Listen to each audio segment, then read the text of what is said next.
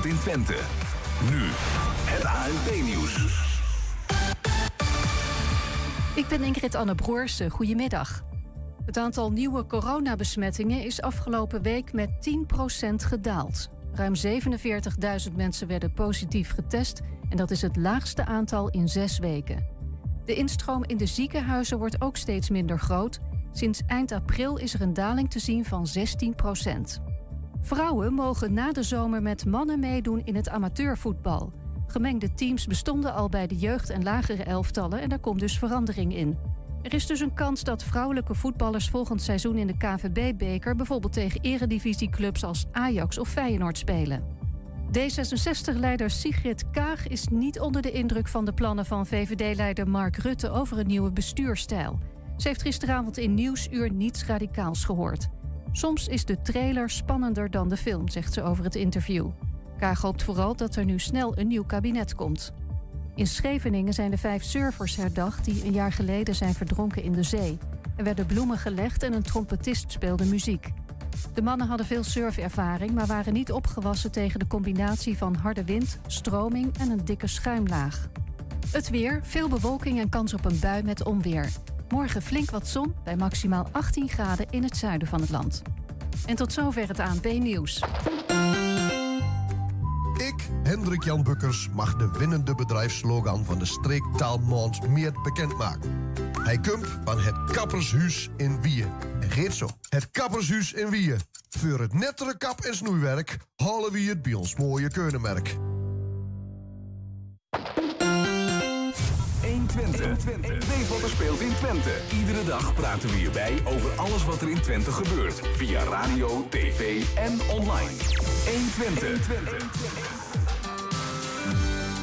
Het Zwik in Enschede moet van het gas af, maar de buurt is niet per se enthousiast over de alternatieven die de gemeente voorstelt. Ja, een aantal oude panden aan de Langelemaatweg in Hengelo zijn genomineerd voor sloop.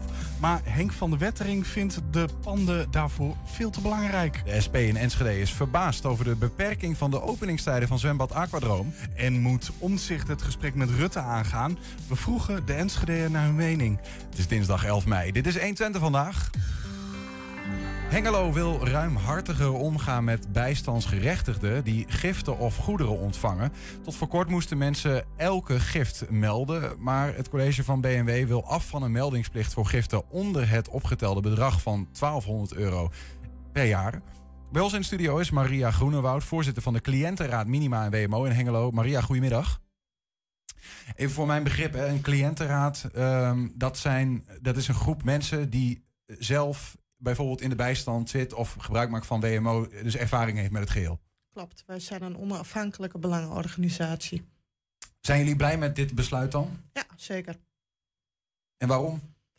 Nou, het scheelt gewoon een heleboel omdat wij in principe, als wij een participatieuitkering hebben, uh, zijn wij eigenlijk verplicht uh, elk dingetje wat wij krijgen, uh, bijvoorbeeld een stofzuigen of wij krijgen boodschappen van iemand, moeten wij dat melden bij ons klantmanager. En dat hoeft nu dus niet meer. Als jij uh, iets van iemand krijgt, dan moet je dat altijd melden. Klopt. Waarom eigenlijk? Nou, dat zijn de regels van de gemeente. En waarom wil de gemeente dat? Geen idee.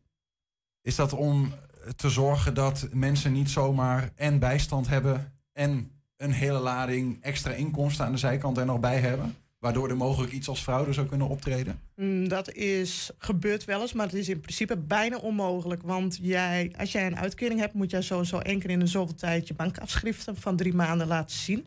Mhm. En daar kunnen ze eigenlijk in principe uh, bekijken van hoe of wat.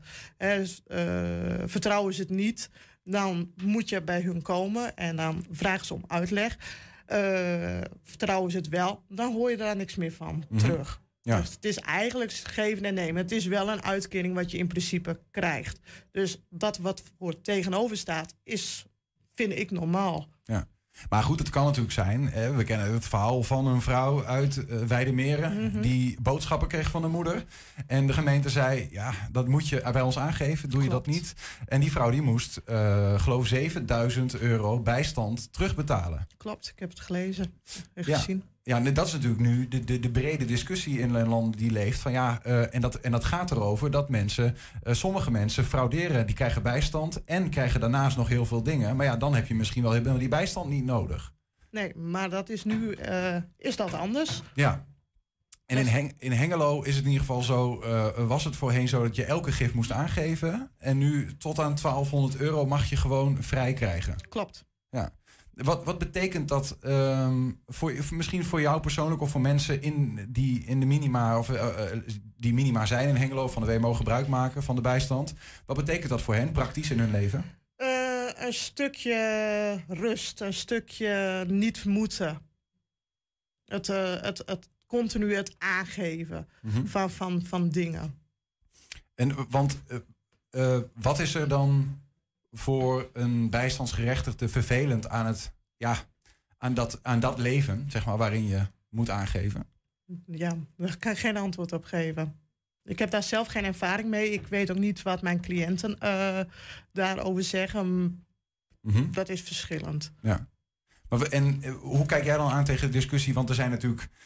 ehm, dat is telkens de afweging. Hè? Van als je, als je eh, inkomsten aan de zijkant kunt hebben, terwijl je ook bijstand hebt, bijvoorbeeld ook giften kunt krijgen tot 1200 euro, zijn er ook mensen die daar misbruik van zouden kunnen maken? Uiteraard, ik denk wel dat daar een groep mensen zijn die daar misbruik van maken. Maar daarom heb jij dus ook die bankafschriften die jij moet, eh, hè, als jouw klantmanager je vraagt één keer in de zoveel tijd je klant eh, je bankafschriften in te leveren.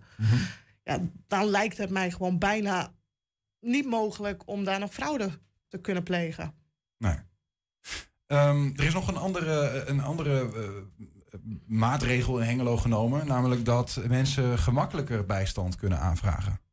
Mm, Dat is niet waar. Dat, dat, dat heb ik begrepen. Dat is helemaal niet zo. De gemeente zou een proef zijn gestart dat er eenvoudige bijstandsuitkering aangevraagd kan worden.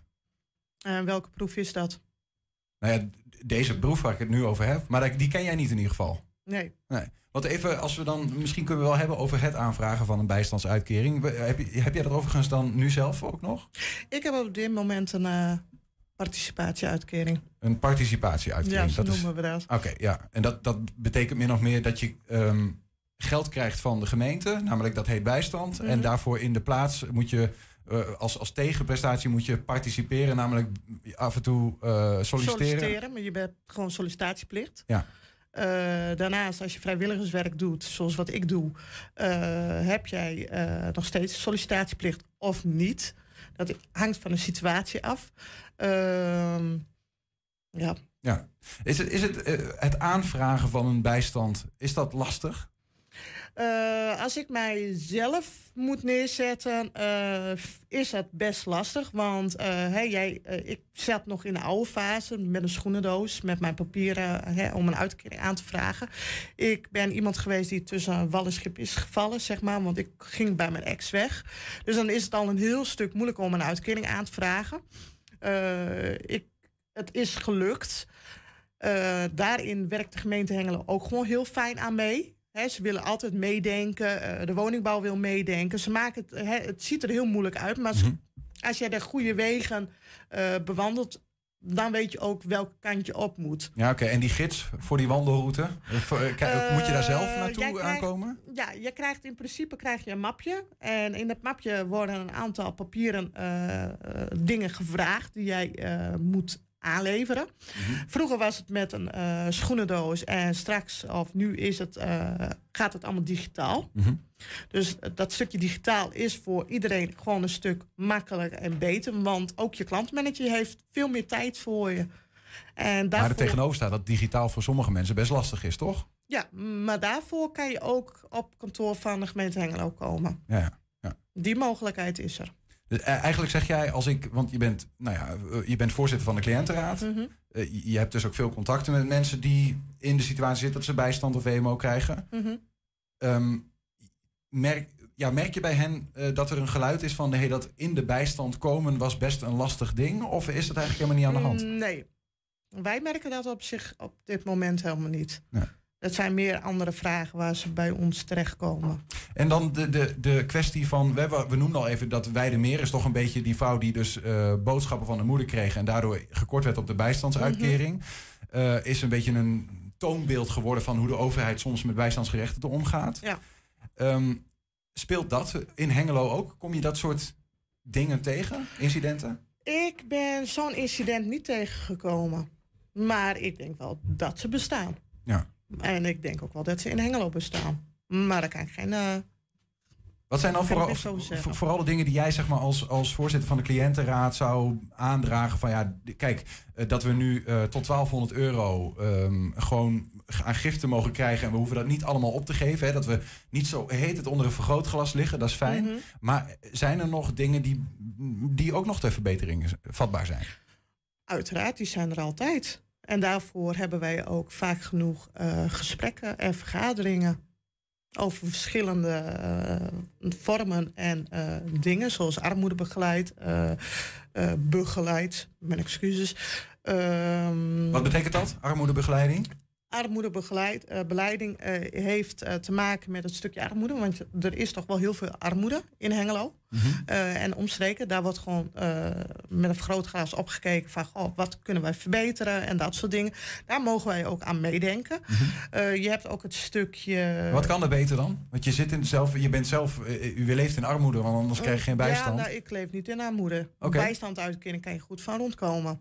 Dat noem maar- jij geen armoede. Nee, dat noem je geen armoede. Maar er zijn genoeg mensen die eh, bijvoorbeeld in de bijstand zitten, in de participatieuitkering zitten en die eigenlijk ook in de schuldhulpverlening zitten. Mhm. En die groep mensen leven wel in armoede. Ja. Want die leven van weekgeld. En daar, voor die groep mensen is het veel moeilijker om te participeren. Mhm. En veel moeilijker om in de maatschappij mee te lopen en een baan te vinden. Omdat bijvoorbeeld eh, eh, weekgeld hebben en jouw ID-kaart verloopt. Dus het is veel moeilijker om een ID-kaart aan te vragen. Bij wijze van Dus spreken. Bijvoorbeeld dat soort dingen Ja, begeleiden. dat is toch, toch wel een stukje geld. Ja. Wat, je, wat, je, wat voor hun heel belangrijk is. En als jij een schuldhulpverleen eh, hebt die mee wil werken en mee wil denken daaraan. Dan heb je geluk. Maar er zijn ook organisaties die zoiets hebben van ja, maar sorry, maar dat, is, eh, dat gebeurt niet. Dat doen we niet. En daar, het toezicht daarop vanuit de gemeente mag bijvoorbeeld beter. Is dat dan iets eh, wa- waarvan de Nou, de cliëntenraad gemeente zegt? is daar zeker wel mee bezig. Ja. Maar wat zou je als eerste, nu dat deze giftendrempel is eh, verbeterd, wat zou je dan, wat, wat jou betreft, wat zou er als eerste aangepakt moeten worden binnen, binnen de participatie met wet, de mensen die daarin zitten of de WMO of wat dan ook? Eh, wat ik zelf en wat wij zelf met, eh, met, met eh, cliëntenraad eh, vinden, dat is het stukje eh, dat er wat meer eh, vrijheid is voor de volwassenen. En gewoon bijvoorbeeld het makkelijker is om eh, bijvoorbeeld een ID-kaart aan te vragen. En het hoeft niet gratis. Het Mhm. kan ook met, eh, in een leenvorm of eh, eh, voor de helft of wat dan ook. Zoals kinderen eh, tot 17 jaar kunnen gratis een ID-kaart aanvragen. Dus dat mag wat makkelijker. Dat maakt makkelijk. Maar voor volwassenen, als zij zelf weer in de participatie eh, willen en willen gaan werken, is dat gewoon heel moeilijk om een baan te vinden. En ik merk wel omdat er een bepaalde groep is die wel heel graag wil werken, maar er gewoon die stap gewoon veel te moeilijk is. Ja, daar mag wel meer begeleiding voor zijn. Ja. Die opstap naar een baan waar uiteindelijk de participatiewet voor, die- bedoeld is natuurlijk. Ja, dat zou ik Ja. heel fijn vinden, dat voor die groep mensen iets meer kan. Tot slot dan, eh, Maria, je, je zoekt nog mensen voor je cliëntenraad, hè? Klopt, klopt. Wij zoeken nog mensen voor cliëntenraad. Dus als je in die, in die doelgroep zit, om het zo maar te zeggen, Ja. en je denkt van hey, ik wil met Maria ten strijde trekken voor onze belangen in Hengelo, dan Wij kunnen ze bij jou melden. Ja, wij moeten uitbreiden tot eh 14 personen. Wij zijn een belangenorganisatie. Eh, het enige wat wij verwachten is dat je enthousiast bent, de Nederlandse taal goed heerst en een eh, computeraansluiting hebt en, eh, en van huis kan werken. Ik ben even stiekem aan het loeren. Ja, nee, dat mag. Dat mag. En eh, je, kan ons, je kan je aanmelden op de volgende telefoonnummer. Dat is 074 349 0165. Of naar info cliëntenraad engelo.nl. Staat genoteerd. Maria Groenewoud, dank voor je komst en Dank voor je openhartigheid. Is goed, dank u. Een aantal oude panden aan de Langere Maatweg in Hengelo zijn genomineerd voor sloop. Maar Henk van der Wetering vindt de panden daarvoor veel te belangrijk. Straks praten we met hem. Maar eerst gas. We koken erop en verwarmen onze huizen en ons water ermee. Maar het is niet duurzaam en bovendien stort Groningen in als we het uh, gasronde blijven weghalen. We moeten daarom van het gas af. Ja, de huizen in het Zwik in Enschede moeten in 2030 al van het gas af zijn. De buurt is namelijk onderdeel van pilotwijk Twekkelerveld... waarin de gemeente wil onderzoeken hoe de overgang naar gasloos wonen het best kan gebeuren. Maar van de alternatieven voor gas worden de bewoners van het Zwik nog niet echt enthousiast. Bovendien zijn er nog uh, veel vragen. In de studio is Rick Soeterman van buurtvereniging Het Zwik Energie Neutraal. Die gisteravond een uh, eerste Zoom-bijeenkomst had voor alle buurtbewoners. Uh, Rick, goedemiddag. Goedemiddag. Uh, ik weet niet of we de microfoon heel iets kunnen bijdraaien. Dat we even, ja, dan kunnen we je goed horen. Zeker. Oké. Okay. Um, ja, het Zwik energie-neutraal klinkt als een uh, vereniging die speciaal voor deze zaak in het leven is geroepen. Ja, klopt. Wij uh, waren zo rond de jaarwisseling 2019-2020. Toen waren er allerlei zeer verontrustende berichten over, vonden wij, van Twekkelerveld. En over de energietransitie daar. En toen hebben wij nou, de koppen, een aantal enthousiaste mensen de koppen bij elkaar gestoken. We hebben eerst een, een, een, kerngroep opgericht van, van, zeg maar een soort van denktank. Die, die gingen nadenken over, over hoe we dit verder zouden aanpakken. Nou, is uiteindelijk een bestuur geformeerd. Nou goed, het is, zijn we leden gaan werven en toen is dat balletje aan het rollen gegaan. Ja. Ik heb begrepen dat uh, de gemeente kijkt naar Twekkelenveld als, als eerste proeftuin eigenlijk. Van hoe pakken we dat nou aan? Ja. En het Zwik is uiteindelijk een onderdeel van die hele grote wijk in Enschede. Ja. Maar dat jullie helemaal niet zijn benaderd. Um, nee, uh, we, ja, we, wij hebben zelf de indruk dat we een beetje vergeten waren. Wij, wij zaten in een soort van, ja, ook uithoek van de wijk. En uh, de, de, het, het punt was dat de, de, de gemeente van begin af aan heeft ingezet op een wijkverwarmingssysteem. Wat vooral, dat lijkt nu vooral om de noordelijke helft van Twekkelenveld te gaan. Mm -hmm. Want daar zitten de meeste uh, ja, woningbouwcorporaties woningen. En daar willen ze vooral gebruik van maken. Om dat wijkverwarmingssysteem uh, uit, uit te rollen, zeg maar. Ja, en dan heeft het over het warmtenet. Uh, wat zeg maar ja. door, door de wijk gelegd zou worden met ja. ja eigenlijk grote leidingen waar wa warm water doorheen gaat. Mm -hmm. En dat zou dan op die manier de huizen moeten gaan verwarmen in plaats van dat dat gas dat doet. Ja, klopt. klopt. En waarom ja. is bijvoorbeeld, want u zegt eigenlijk van ja, Twekkelenveld is, uh, is een plek waar veel huurwoningen staan. Ja, die kun je misschien Mhm. massaal wat beter aanpakken. Maar Ja. bijvoorbeeld het Zwik, de huizen, uh, de huizen waar u zelf in woont, Ja. uh, zijn daar wat minder geschikt voor. Ja, klopt. En ja, wij denken zelfs dat het ook voor de zuidelijke helft van Twekkelenveld ook geldt. Er, is gewoon heel veel variatie in woningen. Er is heel veel variatie in, in, uh, nou, ook in, in, in soorten bewoners. Dus er wonen gewoon ook heel veel arme mensen. Er wonen heel veel studenten die ook weer na een paar jaar verhuizen.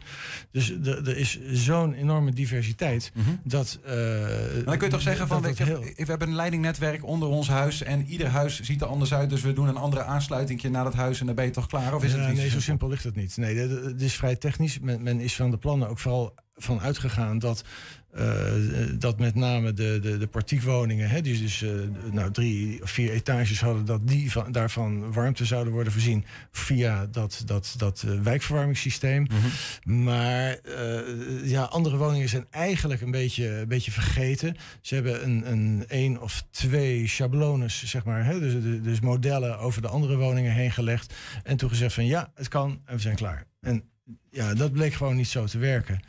En dat gaat nu wel anders aangepakt worden. Wat bedoelt u daarmee? Dat, nou, er gaat wel meer gekeken naar de, nou ja, de verschillen tussen de huizen. En dat is ook wat, wat wij heel graag willen. Wij denken dat je in eerste instantie ook niet zo in moet zetten op aardgas loos. Want dat is, is, een, ja, dat is een kreet, maar daar, daar, daar, daar, daar hebben we de tijd niet voor. Dat krijgen we in tien jaar nooit voor elkaar. Ik denk dat je eerst moet kijken dat je woningen maximaal. Uh, heet het? Uh, isoleert. En uh, dat je ook kijkt ja, ja, welke woningen je op welke manier gaat isoleren. Want iedere woning heeft zijn eigen, zijn eigen eigenschappen en heeft zijn, uh, zijn eigen bouwkundige eigenschappen. En daar moet je gewoon rekening mee houden. Mm -hmm. En isolatie is gewoon op zich al een heel ingewikkeld verhaal. Maar het, het, het, uh, ik, ik, denk dus dat je daarmee moet gaan beginnen. Om ja, te Oké, okay, kijken maar dan van, moet je, moet je alsnog ja, verwarmen daarna, toch? Uiteraard, uiteraard. Dat zit er ook aan te komen. En dat, dat, dat, je, je, we willen allemaal een CO2-reductie, dat is heel duidelijk. Alleen we willen niet nu meteen gasloos. Want dat, dat is gewoon te extreem. Dat gaat niet, niet lukken. 2030 gaat niet gehaald worden? Nee, geloof ik helemaal niets van. Nee, nee, nee. Ik, ik denk dat, dat, je, dat je eerst moet kijken van eh, inderdaad hoe je woningen gaat isoleren. En, en dat je daar een aantal eh, modelwoningen voor moet uitzoeken. Woningen die daar model voor staan. En dat je dan moet kijken van ja, hoe, hoe gaan we dat nou aanpakken om die goed te verwarmen. En ja, je hebt ook huizen. Ja, dat, dat, dat is geen leuke boodschap. Maar je hebt gewoon huizen met halfsteens muren. Ja, wat, wat, wat, wat moet je daarmee? Dat, dat, valt, dat valt niet te doen. Dat valt niet te isoleren. Dus- Eigenlijk eh, met elk alternatief voor gas wat je dan ook hebt, Ja. is het eh, bijna niet te doen. Ik denk dat, dat het met. eh, eh, nee, zeker als je het hebt over, over warmtepompen. Dat, hè, Mhm. die, die dus op elektra eh, huizen verwarmen. Ik denk dat je dan eh, gewoon tegen allerlei beperkingen aanloopt. En ik denk ook, de, de, en, en dat denk ik niet alleen, maar we hebben daar ook een, een rapport over geschreven. Er, er komen tussen nu en 2030 zijn er nog zoveel ontwikkelingen op gebied van techniek. Mhm. Dat, eh, dat, dat wij gewoon denken dat, dat die tijd moeten we gewoon gebruiken eh, eh, ja, om te kijken wat, wat zit daar op, op dat gebied. Wij zelf hebben een idee van misschien moeten we wel met, met bodemwarmte gaan werken. Er zijn ook in, in, in Enschede is er een bedrijf, Cool heet dat, die- zijn op een nieuwe manier met, met gas zijn ze een soort van hybride pompen aan het, aan het hebben ze ontworpen. Mhm. Nou, dat zijn hele nieuwe ontwikkelingen. En eh, ja, daar, daar, daar is het laatste woord nog lang niet over gezegd. En dan hoor ik het stemmetje van de wethouder die zegt... ja, maar we hebben geen tijd om die alternatieven te... we moeten het doen met wat er nu is. Ja, nou, dat, daar ben, ben ik niet met hem eens. Ik, ik denk dat je gewoon eh, toch eerst die, die, eh, die, die isolatie moet aanpakken. En, want, want nogmaals, van, er, er zijn, wat zich aandient is natuurlijk prima om te pakken. Maar het is gewoon te ingewikkeld en te veel om die complexe wijk... om dat ineens aardgasvrij te maken. Zegt eigenlijk zowel het warmtenet met warmte vanuit Twents of Ja, whatever... ja. en eh, hybride warmtepompen Mhm. of warmtepompen. Eh, Ja, de alternatieven die er nu zijn voor gas zijn niet toereikend voor sommige huizen in Tekkelenveld. En daarom moet je eerst gaan kijken naar andere alternatieven. Andere mogelijkheden, ja. Ja. ja. eh, er is nog een ander ding wat meespeelt, wat ik begreep. Eh Twents, eh, de- gemeente Enschede is aandeelhouder in Twents. En Ja, daar hebben jullie ja. moeite mee, hè? Ja, ja, ja, zeker. Nou, en dat is, als je dat, eh, wij, hebben daar moeite mee, omdat Twents eh, ja, zegt dat ze de, de groenste heet de biomassaverbrander van Nederland zijn. Er zijn er overigens meerdere in Nederland die dat van zichzelf zeggen, maar dat, dat even terzijde.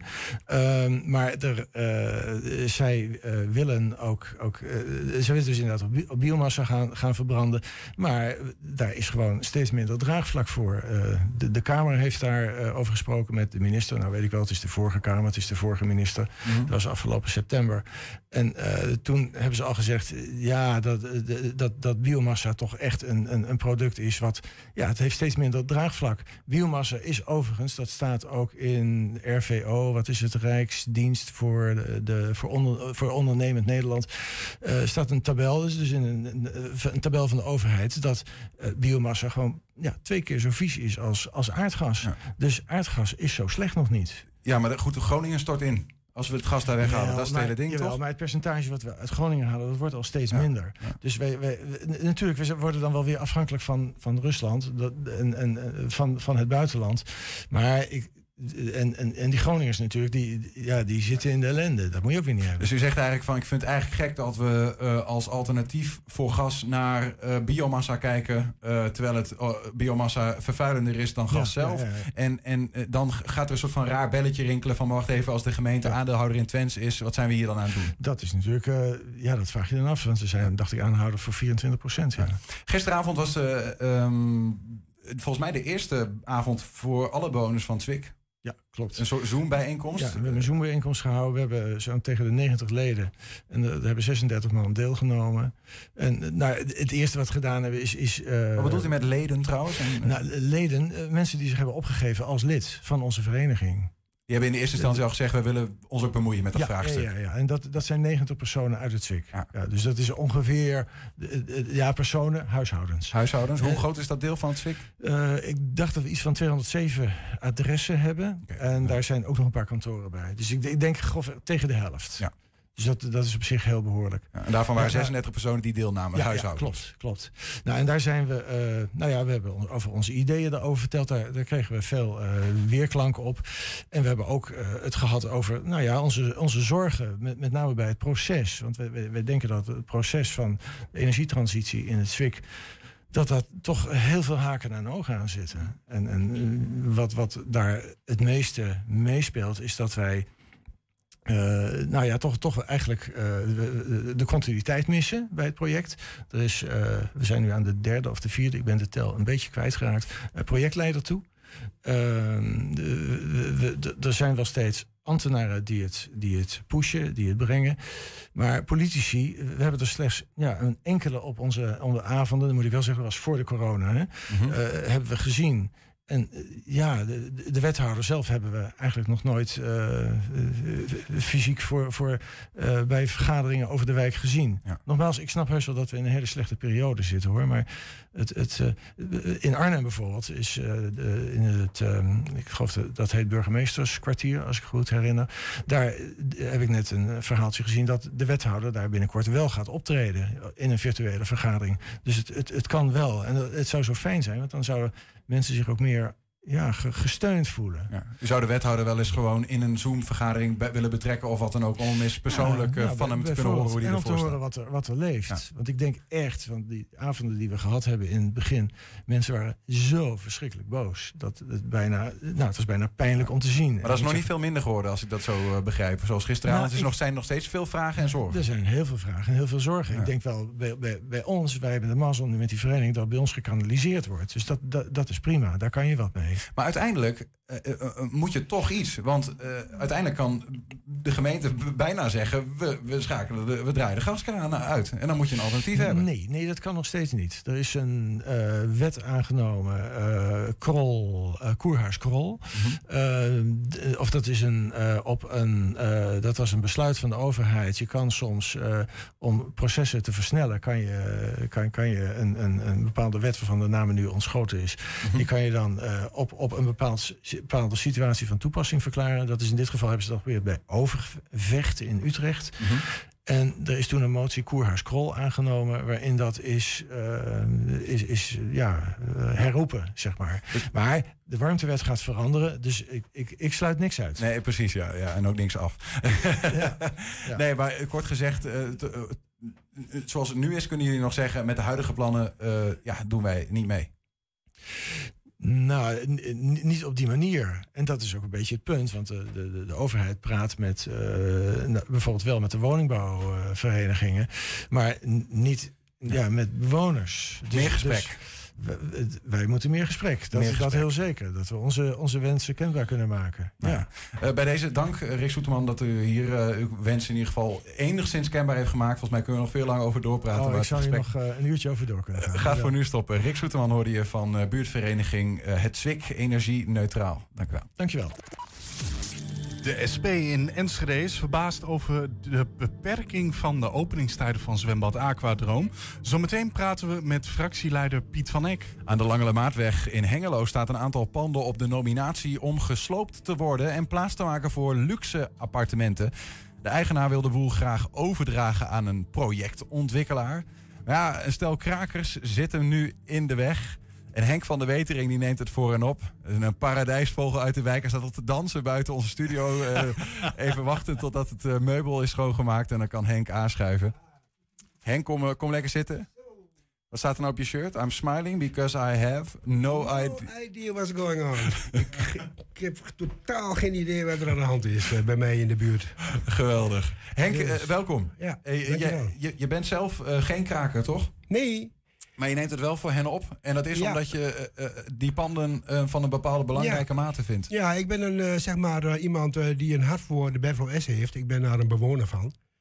Dus ik ken mijn buurt heel goed. Mhm. En ja, in één keer liep ik daar dus te wandelen naar het Lamboyhuis toe. En toen zag ik dat er allemaal LP's aan de muur zaten. Dus dat had mijn aandacht, mijn aandacht wel getrokken. Ja. Hè, als voormalig muzikant, zeg maar. Dus, nou ja, en op een gegeven moment heb ik daar contact mee. Dan kom ik mee aan de praat. En eh, toen kom ik erachter dat eh, men van plan is om daar de huizen te slopen. Ja. Nou, En daar was je het niet mee eens. Nee, daar was ik het helemaal niet mee eens. Want eh, Kijk, dat is gewoon een heel bijzonder stukje wat, wat daar staat. Hè? Laten we er zo meteen over doorpraten. Want Ja. ik, ik merk al wel, je zit er vol enthousiasme en passie voor deze huizen. Maar Ja. we, hebben je ook, we, we zijn met je mee geweest om even de huizen van binnen te bekijken. Ja, dat hebben we gedaan. Ja, even ja, kijken. ja. Nou, Henk, we staan hier op een historische plek. Eh, ja, hier is een, een belangrijk deel van Hengelo is hier ontstaan. Ja, we staan hier aan het eh, beginpunt van de Lange Maatweg. De Lange Maatweg die is eh, ontstaan eh, in zeg maar 1880 zo'n beetje. En de Lange Maatweg dat was een verbindingsweg tussen de Bevlo S en de stad. En tot mijn schrik zag ik en hoorde ik dat het hier gesloopt gaat worden. Heb je het met name over deze panden waar we nu staan, hier Ja. aan het begin van de, Ja. van de Langere Maatweg? Ja, ja, ik heb dus wel gevonden dat het pand van uh, Jorné een status heeft. Maar dat het toch uh, mogelijk uh, misschien uh, niet blijft bestaan. Dat is dit pand hier? Ja, dit pand hier. En ik heb nu zoiets van, ehm, nou laat deze nou staan en eh, breng ze naar het nieuwe tijdperk, maak ze duurzaam. Als, als voorbeeld ook voor uh, anderen die ook in dergelijke huisjes wonen. Heb je dan over de woningen of heb je het dan over de gevels? Ja, ik heb het... Uh, het aangezicht? De, nou ja, het aangezicht minimaal. Maar ik denk dat die woningen toch nog wel dusdanig goed zijn... dat je ze nog wel kunt renoveren. Meen je dat nou? Ja, want we hebben toch ook verderop hebben we huizen staan... die, uh, die nog ouder zijn dan deze. En uh, die staan er nog steeds. En in dit blok, in dit blok zit nu één bewoner? Ja, nee, er zitten er meerdere in. Er heeft uh, iemand uit de Enschede, dat is een Frans, heet hij. Mm -hmm. Die heb ik ontmoet tijdens de wandelingen die ik hier maakte en maak. Toen op een gegeven moment de Frans me uit om bij hem binnen te komen om eens te kijken hoe het er binnen uitzag. En nou, ik, ik, was echt verbaasd. Het is geweldig. Het ziet er gewoon goed uit hoor. Dus het kan best wel gerenoveerd worden. Als de wilde maar is. Nou ja, kijk dan, is het een prachtig mooi pand joh. En uh, dat zou nou slecht zijn, uh, bouwkundig, maar uh, niks mis mee. Ik ben al binnen geweest. Je hebt een sleutel gehad, begreep je? We ja, kunnen ja, naar binnen? ja, ja, ja, ja, ja, ik ben bekend nu hier. Dus, Dan loop ik even met je mee. Ja. Dus, maar ja, er is er nooit een expert naar binnen geweest. Dus kennelijk ben ik de eerste.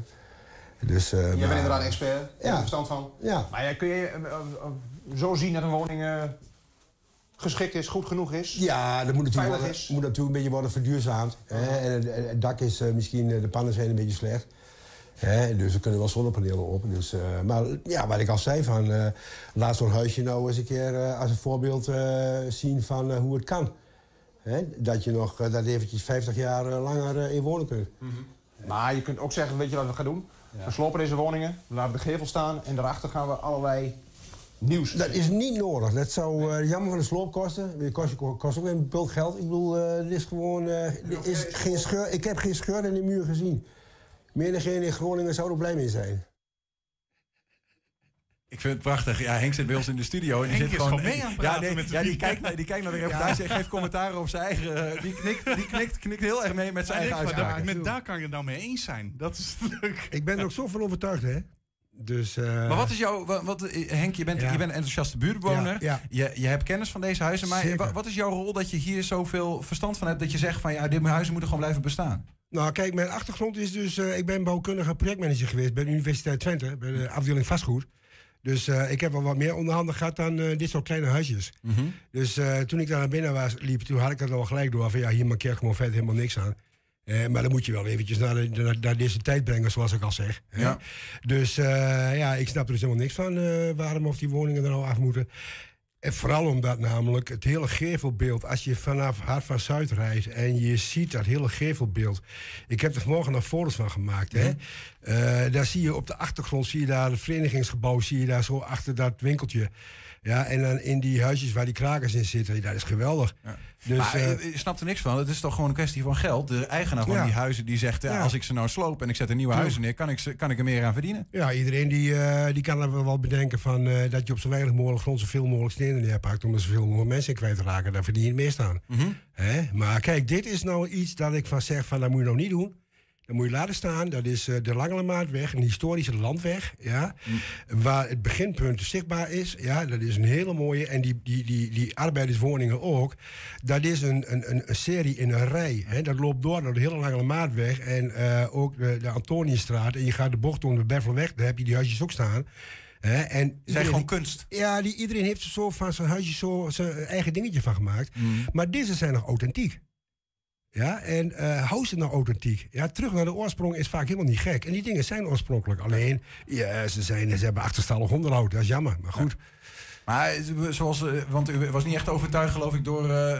de, de, de, het voorstel van mijn collega Franklin. Die zegt, Ja. gevel laten staan, de rest renoveren. Ja, Franklin die, die, die, die, die, die dacht van dat dat misschien ook een idee is. Maar dat doen ze in Amsterdam namelijk ook met hele oude pandjes die heel krakkelijk slecht zijn. Dan willen ze die gevels laten staan. Ja. Dan slaan ze de achterkant weg. Maar dat is hier helemaal niet nodig. Die grond is gewoon hartstikke stabiel. Dat is degelijke oude grond. Daar zit, ik heb geen scheurtje in het huis kunnen ontdekken. U, eigenlijk zijn de krakers die er nu in zitten, zijn een zegen voor, eh, voor die huizen. Want, Ja, want die krakers ja. zorgen dat, ze, dat de huizen nog niet gesloopt En kunnen op worden. de valreep, hè? want ik heb dus nu daar, ik daarmee geconfronteerd ben geweest, heb ik internetonderzoek gedaan. En eh, ja, ik val van de ene verbazing in de andere verbazing. Kijk, onze buurt is niet voorgelegd.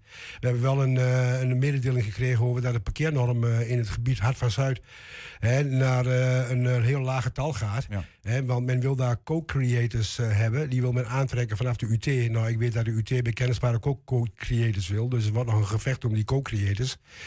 Ja, ik zie onze krakers als een soort van co-creators. Laten we er blij mee zijn. Ik ben er hartstikke blij mee. Dus eh, Ja. Zij zeggen eigenlijk van ja, weet je, we, we, we hebben A, een huis nodig, want de woningmarkt Ja. zit hartstikke op slot. Ja. En B, we hebben een hart Ja. voor deze huizen, zeggen ze eigenlijk ook zelf, ja, hè? Ja, dat hebben ze zelf ook. Ze hebben zeker hard van Want die jongens die komen ook, ook eh, ze komen uit Enschede, ze komen ook uit dergelijke buurten. Dus Mhm. eh, die hebben daar echt zeker een warm gevoel voor. En die, die, die rijden door het hele land heen en die zien ook wel dat elders dingen worden gesloopt. Maar aan de andere kant van, van Nederland worden dit soort panden juist gekoesterd. Hè? Dus, Nou, zouden, ik, ik kan me voorstellen dat er mensen zijn die denken: ja, krakers, krakers, flikker op. Eh, Ja. ehm, hè, waar, wat doen die en waarom kan die eigenaar. Ja. Maar er is een wet die beschermt eigenlijk dat die krakers kunnen er niet zomaar uit worden gezet. Die ja, hebben dat recht is op één, ja, ja. Maar ik heb het grootste probleem ermee dat ik heb gezocht naar een omgevingsvergunning. Want het blijkt zo te zijn, dat, ook, dat is ook volgens de wet, dat een, eh, als er ergens gesloopt wordt, moet eerst een omgevingsvergunning bekend zijn. Nou, ik heb hem niet kunnen vinden. Mhm. Dus eh, ik heb wel mooie dromen kunnen vinden over de ontwikkeling van Hart van Zuid. Dat het allemaal hoog wordt en weet ik wat en dicht op elkaar. Ja. Ja, ik hoop één ding, als het in Hart van Zuid hoog wordt, laat het een beetje bij Dikkers in de buurt zijn, maar niet aan de randen van een hart. Kijk, een hart is niet plat. Een, heb jij wel eens een echt hart gezien? Die is in het midden, is, die, is dat een bult. En aan de zijkanten, aan de randen, is dat laag. Ja, nou, zeker aan de lange maatwegkant. Eh, hoop ik toch wel dat men daar eh, respect heeft voor eh, de Buffalo S Zuid. Mhm. hè, en dat het een goede aansluiting heeft daarmee. Mogelijk moeten de krakers eruit, hè? Er is een rechtszaak nu die de eigenaar heeft 20 mei is de rechtszaak. 20 Ik, mei- ga, ik mag er gelukkig bij zijn bij hun thuis. Ik ga mooi met hun samen kijken. Ja. Dus dan kan ik ook al die emoties even waarnemen. Dus, en ik denk wel als de krakers het winnen, dat we nou een keer ook misschien een feestje daar kunnen houden. Hè? Ja, en, en als ze het winnen, mogen ze blijven zitten en dan kunnen ze dus niet gesloopt worden. Nou ja, nee, ik, bedoel, als eh, ik ben benieuwd wat de ervan vindt. Mhm. Want de stukken die voorliggen, die, eh, ja, daar, daar heb ik geen verstand van. Maar daar- heeft een advocaat wel verstand van. En ze hebben een hele goeie hoor. Ja. Dus, eh, Nee, wat de, de, de, eigen, de huidige eigenaar van die huizen, die ze wil, wil verkopen aan een projectontwikkelaar, Ja. die eh, moet wel vaart maken. Want de ko- het koopcontract eh, zegt Klopt. van moet uiterlijk 31 juli moet dat bekend zijn. Juist, anders dan gaat de koop waarschijnlijk niet door. Er zit een soort van boeteclausule in, dus iedereen staat onder druk. En ook die gemeente heeft ook al de eigenaren, want er zijn dus niet één, dat is een, de erfen van de allereerste elementenfabriek. Dat moet ik nog even ook zeggen, hè, dat die elementenfabriek, dat is verdorie nog aan toe. Hè? Nu leven we dus in de toekomstige tijd van batterijen. En dan gaan we de allereerste Twentse ele- elementenfabriek, batterijenfabriek gaan we slopen. Nou, dat lijkt me niet goed. Geen goed idee, lijkt me. Laat nou even zien hoe innovatief Hengelo toen al was. Hè, in Maar toch, we hebben het even opgezocht. Dit, Deze huizen staan niet op eh, de Ja. monumentenlijst. Nee, klopt. Dus ja, dat, dat zit dan niet echt mee. Nee, Dus maar wat dan daarom- heeft u geen voet om op te nee, staan maar straks. ik heb dus eh, ontdekt op internet... als een gemeente die eh, eh, eh, panden, die rij wil beschermen... Mhm. dan kunnen ze daar, in de omgevingswet iets over zeggen. En dan heeft die projectontwikkelaar geen kans om die woningen te slopen. Maar ik weet niet wat de gemeente in de omgevingswet heeft neergezet. En ik ben bang dat in Hengelo monumentale panden... eh, Lucebert heeft gezegd, alles van waarde is weerloos. Nou, dat geldt in Hengelo zeker voor oude mo- monumentale panden. Ik, ik heb me als een keer eerder bezig gehouden met Badhuis in Hengelo. Nou, dat ding dat wordt momenteel verk- verkracht door een, eh, een groot appartementencomplex erbovenop. Het is net als een lul op een slagroomgebakje, zou ik gaan zeggen. Ja, nee, maar goed, ik bedoel, ik word er gewoon een beetje boos over. Ik bedoel, iedereen zit altijd te mekkeren op Enschede toen en nu trouwens ook, maar Enschede en Hengelo net zo van, oh, vroeger was alles zo mooi en wij- ja, maar dat ze alles afbreken. Nou, dan zeg ik van, kom op, laat eens een keer wat staan. Ja. Bij deze, de stem van Henk van der Wetering is gehoord. En hopen dat eh, de politiek het dan ook verder oppakt als deze rechtszaak eh, eh, verloren wordt. Ik kan in ieder geval zeggen dat het wordt vervolgd. Ja, en eh, mocht de rechtszaak goed uitpakken, dan komt er misschien nog een keer een leuk feestje. Want ik ken ook wel muzikanten genoeg nog. Dus, Hou ons op de hoogte. Henk van der. Wetering, dank voor je komst. Ja, moet Pieter Omzicht het gesprek met Rutte aangaan? We vroegen de Enschede'ers naar hun mening. Straks zie je hun antwoorden. Eerst naar uh, verbazing bij de SP in Enschede over de beperking van de openingstijden van zwembad Het Aquadroom. Zwembaddirecteur Bas Moorsing kondigde vorige week in dit programma aan dat het subtropisch gedeelte tot aan de sluiting in 2024 alleen nog te bezoeken is in weekenden en tijdens kinderactiviteiten en in vakanties. Piet van Eck is uh, fractieleider van de SP in Enschede en uh, stelde vragen over dat voornemen. Piet, goedemiddag. Ik heb begrepen dat de gemeenteraad onlangs uitgebreid is ingelicht over alle zwembadplannen. Was dat toen nog niet bekend? Nee, dat was toen nog niet bekend. We, we hebben dus een uurtje wat vragen kunnen stellen over het uh, nieuw te bouwen uh, zwembad. En toen is daar met geen woord over gerept door de heer uh, Mossink tijdens zijn presentatie. Is het dan wel bij de bestuurders van Enschede bekend? Bijvoorbeeld bij de verantwoordelijk wethouder? Oh, dat zou de heer Van den Berg zelf moeten vragen. Dat zou ik zo niet weten. Ik heb in ieder geval die vragen uh, gesteld omdat ik in ieder geval het niet wist uh, van dit. En ik vind het wel een beetje, beetje, beetje vreemd dat het uh, in ieder geval door de heer Mossink niet is vermeld toen, toen hij nou ja, over de bouw van een nieuwe zwembad had. Ja. Is, is dat ook de kern van uw vraagstelling aan het college? Van, hey, was u op de hoogte van dit voornemen en wat vindt u er eigenlijk van? Ja, dat is inderdaad, dat, dat vind ik eigenlijk het, het belangrijkste zijn jullie überhaupt door Bas Mossink uh, meegenomen in, in wat hij bij jullie uh, heeft verteld? Dat het dus eigenlijk alleen maar woensdagsmiddag, uh, even kijken, vrijdagavond een disco en dan in het weekend. En dan hou je voor ja, volwassenen überhaupt door de week niets over in het subtropisch gedeelte, zeg maar. Hm. Waarom is het eigenlijk, waar, waarom vindt u het, of uw fractie, waarom vindt u het dat zo'n groot probleem om daar vragen over te stellen? Je hebt toch dan nog steeds gewoon in het weekend en op die andere momenten heb, hebben mensen gewoon plek om subtropisch te zwemmen? Nou, het, het gaat alleen maar in het weekend. Tis, tis, dus tis, door de week gaat, gaat het voor volwassenen gewoon dicht. Alleen een paar kinderactiviteiten, die zijn er nog. En -hmm. goed, ik vind drie jaar van 2021 tot 2024 wel een hele lange periode waarop Aquadroom zegt van jongens, nou ons de zonvloed. En de, u heeft ook wat vragen gesteld over geld eigenlijk, hè? Van, wat, wat, wat wilt u eigenlijk in dat kader weten? Nou, ik wil in ieder geval weten, uh, want Sportaal is nou niet de meest uh, gezonde club uh, in Enschede. En nou ja, goed, Enschede is de enige aandeelhouder. En ik vraag me af, er zijn al problemen geweest met, met sluiting door corona. Kijk, dat is door de spukgelden, dat is de beantwoording van de eerste serie vragen die ik had. Mm -hmm. Is dat allemaal wel waarschijnlijk goed gekomen? Tenminste, dat blijkt uit de beantwoording op mijn vragen. Mm -hmm. Maar ik vraag me af, überhaupt of Sportaal, oftewel Aquadroom nu nog uit kan in drie jaar met, uh, met uh, zeer beperkte openingstijden. Ik ja. vraag me af. Ik denk dat, uh, even, maar dan zit ik misschien een beetje op de stoel van Sportaal zelf. Maar het lijkt mij dat juist de beperkte openstelling van het zwembad de bezuinigingsmaatregel is die ze nodig hebben. Want dan heb je ook minder poppetjes nodig op de maandag, op de dinsdag en op de donderdag.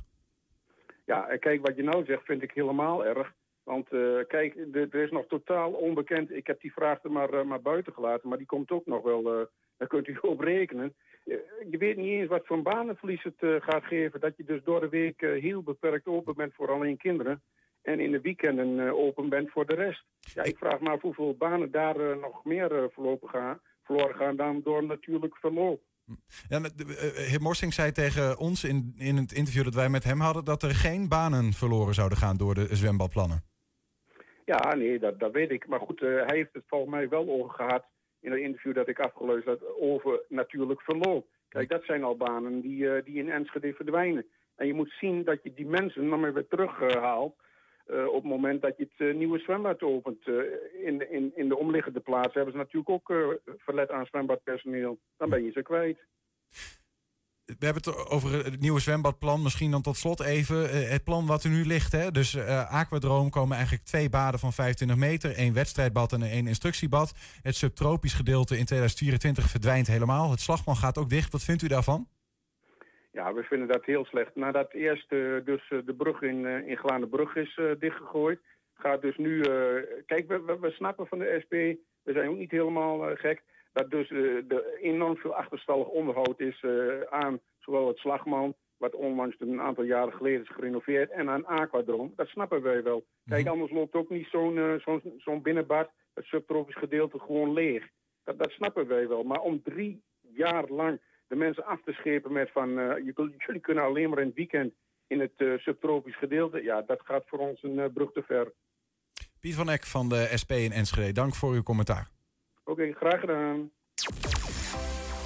Ja, eh, in een interview met, oh, met Nieuwsuur eh, zei demissionair premier Mark Rutte gisteravond dat hij binnenkort een gesprek heeft met Pieter Omzicht. Het CDA-Kamerlid uit Enschede dat thuis zit om rust te nemen, liet op Twitter weten dat het toch, toch iets genuanceerder ligt. Rutte zou pas maandag via een sms hebben laten weten een gesprek te willen. Omzicht is hiertoe bereid, maar geeft aan dat het hem op dit moment nog niet lukt om op dit eh, soort gesprekken te voeren. De collega's van RTVO's gingen vandaag de straat op en vroegen Enschede's of zij vinden dat Omzicht het gesprek aan moet gaan. Nou, het is zo. ehm, in gesprek gaan is altijd goed. Alleen in dit geval, ik had hem met hem niet meer in gesprek gegaan. Ik had hem ook nooit meer aangekeken. Ah, ik vind wat er allemaal gebeurt, dat kan gewoon niet. Nou, wil Rutte een gesprek met eh, Pieter Omtzigt? Ja. Vindt u dat een goed idee? Nou, dat denk ik niet, want als ik hem gisteren zo beluister... dan eh, heeft hij weer niet gejokt, heeft niks gedaan... heeft alleen maar tien jaar goed gedaan. En dan, ja, dat vind ik niet. Ik zie alleen maar dat Rutte dat doet om zijn eigen persoonlijkheid weer omhoog te, te brengen, zeg maar. En heb je iemand die echt, zeg maar, dan voor een stukje onrecht opkomt... en die wordt willens en wetens, wordt hij gewoon de grond ingeboord.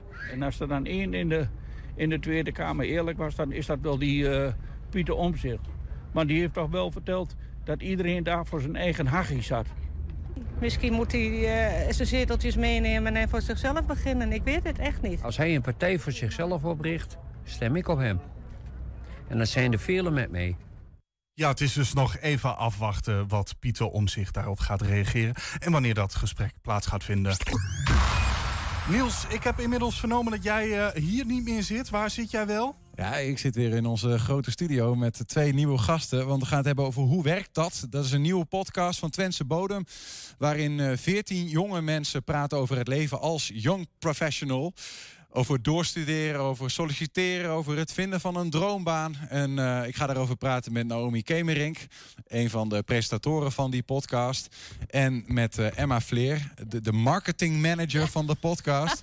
het is wel een serieuze Ja, bezigheid. een serieuze 14, titel, eh, hè? 14 mensen, twee presentatoren, een marketing manager, Emma. Dit is, dit Ja. is geen, geen grapje, zeg maar. Nee, we zetten een serieuze onderneming op. Ja.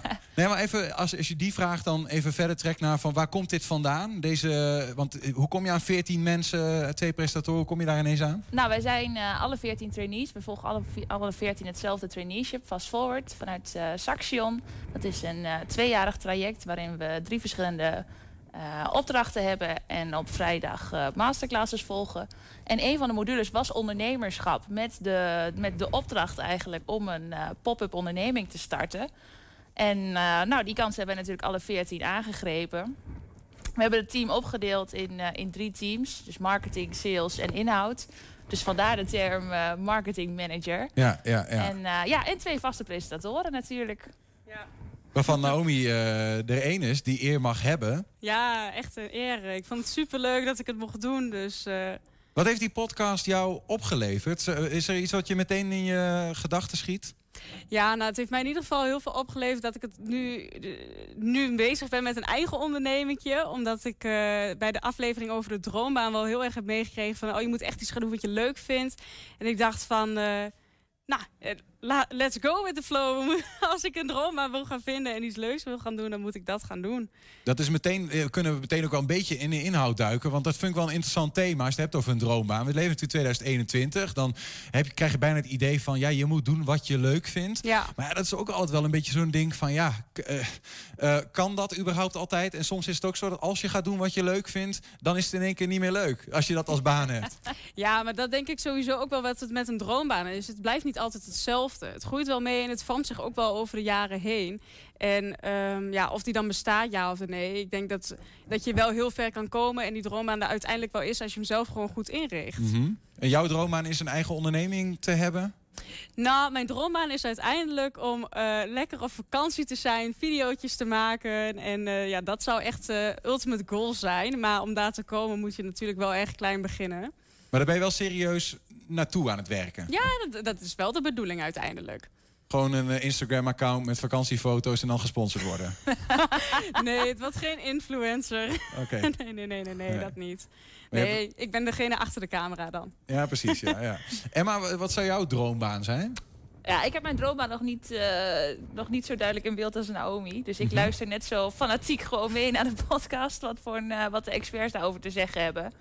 Maar het is inderdaad wel... eh, het is denk ik ook wel heel lastig om die droombaan te vinden. En wat Naomi ook al zei, er is waarschijnlijk niet één droombaan. Je hebt denk ik meerdere droombanen. En als je in een droombaan zit, zoek je misschien wel weer naar een nieuwe droombaan. Zit ook wel een beetje in een mens om nooit verzadigd te zijn. Ja, ik denk dat iedereen wel een beetje zoekend is. En ik denk vooral ook onze generatie, als je ook net afgestudeerd bent, er is juist zo ontzettend veel mogelijk. Er zijn zoveel functies die je kan doen. Er is zoveel wat je ook buiten je werk om kan doen, dat, dat de mogelijkheden bijna te groot zijn. Even een, een, stap terug, want eh, de droombaan en eh, alles wat daarover gezegd kan worden, daar praten jullie over in een van de afleveringen. Eh, maar daarvoor komt natuurlijk nog de vraag van, hey, ik kom uit een studie, wat ga ik doen? Ga ik doorstuderen? Ga ik werken of misschien een traineeship doen? Ja. Eh, eh, waarom ben je een traineeship gaan doen bij, bij Fast Forward? Eh, ja, ik was zelf ook een beetje zoekende na het afstuderen van, ja, wil ik nu gelijk al fulltime aan het werk? Ik vond mezelf nog wel een beetje jong. Als ik zo bij mijn stagebedrijven keek, was ik toch wel dan gelijk een van de jongste collega's. Doorstuderen heb ik ook wel naar zitten kijken. Eh, maar ja, je hebt natuurlijk al vier jaar gestudeerd. Ik zat natuurlijk toen ook midden in mijn eh afstudeerscriptie. Dus ik dacht, nou, als ik dan gelijk zo'n master erachteraan doe... en dan nog een scriptie moet schrijven... dan was ik ook nog niet echt Had ik eh, al toen aan ik van de middelbare school kwam. Ja, ja, nou ja, op een gegeven moment ben je dat studeren ook wel een beetje zat. En ik denk juist dat het leuke van Fast Forward is dat we inderdaad in een groep zitten, zeg maar, bij 14. Iedereen zit een beetje in hetzelfde schuitje. Iedereen is een beetje zoekende. Iedereen heeft een andere achtergrond, dus je leert ook heel veel van elkaar. Ehm, Is het een beetje ertussenin dan eigenlijk, zo'n het is traineeship? een beetje tussenin, want we zijn dus wel drie keer acht maanden echt aan het werk. We werken dan gewoon mee eh, bij een bedrijf als trainee. En eh, nou ja, daarnaast hebben we dus op vrijdagmiddag die, eh, die masterclasses. En dat maakt het gewoon een beetje een, ja, eigenlijk een leer-werktraject wel. En dat eh, vind ik zelf een hele leuke afwisseling. Ja. Heb je ook andere afwegingen gehoord, Naomi? Want eh, je hebt ook iemand gesproken die zei... nee, ik ging echt meteen werken. Ja, klopt. We hadden dus iemand die meteen ging werken. En die had eigenlijk, die had al MBO gedaan en die ging daarna HBO doen. En die was eigenlijk al wel vrij zeker van: oké, het werk wat ik hiermee met dit diploma kan doen, is prima voor mij. En ik vind het heel leuk. Dus waarom zou ik dan nog verder studeren? Is ook iemand die vanaf niveau 2 kwam en nu dus bezig is met zijn HBO halen. Dus die heeft echt veel doorgestudeerd. En die zei: ja, als ik uiteindelijk binnen de zorg iets meer wil gaan verdienen of een bepaalde functie wil beoefenen, ja, dan moet je dat diploma hebben. Dus Mhm. om die redenen is hij door gaan studeren. Ehm, dus ja, zo heeft iedereen eigenlijk een beetje zijn eigen eh, redenering van wat hij is gaan doen. Klinkt samengevat een beetje als als je weet wat je wil. Ja, dan stop je bij dat station. Van ik weet al wat ik werk wil, dan stop ik. En als ik het eigenlijk niet weet, dan is het uitstel van executie. Dan ga ik maar, ja, ga ik maar een, een traineeship doen. En dan doe ik nog een studie. Want ik weet eigenlijk niet zo goed wat ik wil. Ja, zo kun je het misschien wel zo? Zo, benoemen. Maar het is natuurlijk ook vanuit het traineeship wat wij doen, leer je nog veel meer dan eigenlijk kijken wat je echt leuk vindt. Er zitten zoveel andere masterclasses nog tussen buiten de persoonlijke ontwikkeling. Dus eh, ja, dat is super leuk om te doen. Ik ben naar één ding ook nog heel erg benieuwd. Jullie eh, aankomende vrijdag presenteren jullie de laatste van een soort van vierluik, hè? Vier afleveringen. En die gaat over solliciteren. Ja. En misschien kan ik hier alvast een klein primeurtje halen over wat daarin zit. Want die heb je natuurlijk denk ik al opgenomen, of niet? Ja, die is opgenomen. Want ik ben ontzettend benieuwd, wat is nou anno 2021 de sollicitatietip? Ehm, nou, eigenlijk kwam die in aflevering 3 ook al wel een beetje naar voren. Dat het niet allemaal meer zo formeel hoeft te zijn. En dat je buiten dat je ehm, dat, dat zo'n brief eigenlijk niet meer van nu is. Dat je op een andere manier moet gaan presenteren. Dat kan door middel van een video, maar dat is eigenlijk ook al wel weer een beetje achterhaald. Eh, maar het mooiste zou zijn als je bijvoorbeeld een eigen Mooie profiel... collage. Ja, een mooi profiel van jezelf al binnen zo'n bedrijf kan schetsen. Dat je jezelf al daar ziet Oh ja. werken. En er was een heel mooi voorbeeld van Coolblue. Een jongen, volgens mij van Coolblue of bol.com, dat is- die zich in een product had geworven of eh, neergezet. En ja, jij kan me kopen en eh, ik heb deze kwalificaties. En zoveel sterren had hij. En eh, nou, dat was super grappig om te zien. Ja. dan zijn referenties. Ja. Je Dus moet denk- inderdaad een beetje creatiever zijn. Je moet een beetje Ja. lef tonen. Eh, ik denk dat de, de, de ellenlange sollicitatiebrief wel een beetje passé is. Ik denk dat je best wat korter eh inbondiger mag zijn. Niet schrijven wie je bent, maar laten zien wie je laten bent. zien het zo wie je bent. zeggen. Ja, of wel, wel fysiek langs te gaan ergens. Toch laten zien van, hé, hey, ik heb wel interesse in jullie. eh, kan ik eens een dag meelopen? Ik denk dat lef wel steeds meer gewaardeerd wordt. Ja. Je moet toch een beetje out of the box denken. Vrijdag eh, kunnen we dat zien, als, we- of horen eigenlijk, hè, want het is een podcast. Ehm, we hebben een aantal themaatjes die dan daarin besproken worden. Heel kort voorbij horen komen. Als je meer wil zien, moet je even, ik denk op alle podcastkanalen waar die is. Spotify. Spotify moet je gaan luisteren. Ehm, Emma, dit is een podcast van Twentse Bodem. Eh, als ik denk aan werken, studeren, werken en Twente... dan komt het eeuwige thema van... is Twente de juiste regio om te blijven voor studenten... ook altijd aan bod. Hebben jullie Ja. die besproken of komt er nog iets van, van het Twentse in naar voren? Mm, Nou, ik denk wel dat er zeker wat Twentse elementen in zitten. We hebben ook wel wat Twentse werkgevers bijvoorbeeld uitgenodigd. Ehm, ja, we proberen Twente toch ook wel als een aantrekkelijke regio een beetje op de kaart te zetten. Dus dat eh, is wel wat we proberen te doen. Of het, eh, het is geen hoofdonderwerp in een van de podcasts. Maar we hebben wel, eh, ja, allemaal natuurlijk ook die Twentse roots. En ons eigen netwerk zit ook hier in Twente. Dus het is, ook wel, is het echt voor Twentse jongeren bedoeld of ook wel breder? Het is voor Twentse jongeren denk ik herkenbaar, maar het is, het, is, het is geschikt voor een bredere doelgroep. Ik denk wel dat iedereen die net afgestudeerd is of bijna aan het afstuderen is... of net aan zijn carrière begint, wel een beetje tegen dezelfde dingen aanloopt. Dus wat dat betreft is het wel voor een breder publiek geschikt. En nu Naomi klaar, vier afleveringen gemaakt, strikt eromheen, eh, Nou, afstuderen het aan het tra- traineeship en klaar? Of niet? Nee, ik hoop het niet. Ik vind het superleuk om te doen. Dus eh, ik hoop dat we nog doorgaan en een se- seizoen 2 gaan maken. En dan is misschien die Twentse bodem wel een heel leuk Ja. onderwerp om aan te stippen. Ik ben ontzettend benieuwd. Eh, Naomi Keembrink en Emma Vleer, dank voor jullie komst. En ga dus even kijken, hè, de podcast Hoe werkt dat? Het leven als young professional is te vinden op Spotify. Ja, en dan inmiddels hier weer terug in de studio ook aanwezig. Ton Ouwehand. Ton, hallo? Hallo. Hallo. Ehm, eens even kijken, we zijn er bijna doorheen. Dus eh, ik zeg tegen jou, eh, take it away. Ton Oké. Ouwehand met de column van de dag. En het gaat over een bier en het heet de flesopener. Krijg nou wat. Daar ligt een fliptopper, denk ik, in het voorbijgaan. Lang geleden dat ik zo'n ding voor het laatst heb gezien, realiseer ik me terwijl ik gewoon doorloop. Iedereen die wel eens van Gerard Joling heeft gehoord of Jeroen van de Boom, weet wel wat toppers zijn. Maar fliptoppers, dat weet bijna niemand meer die jonger is dan 65. Fliptoppers doken ooit op in de bierwereld. Alle brouwers waren namelijk jaloers op Gros, want die had eind 19e eeuw de beugelfles uitgevonden, waardoor je je flesje bier met één hand kan openen.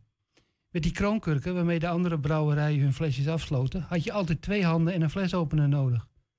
Aan die voorsprong van Gros moest wat worden gedaan en zo lanceerde Amstel in 1964 de fliptopper, die de flesopener overbodig maakte. Het was een kroonkurk in de vorm van een soort honkbalpetje. Als je met je duim tegen de klep van het petje drukte, vloog de kroonkurk er gemakkelijk af. Met reclames waarin mensen wanhopig naar hun dichte bierflesjes zaten te turen omdat ze hun flesopener maar weer eens niet konden vinden, werd het vernuft van deze fliptopper benadrukt.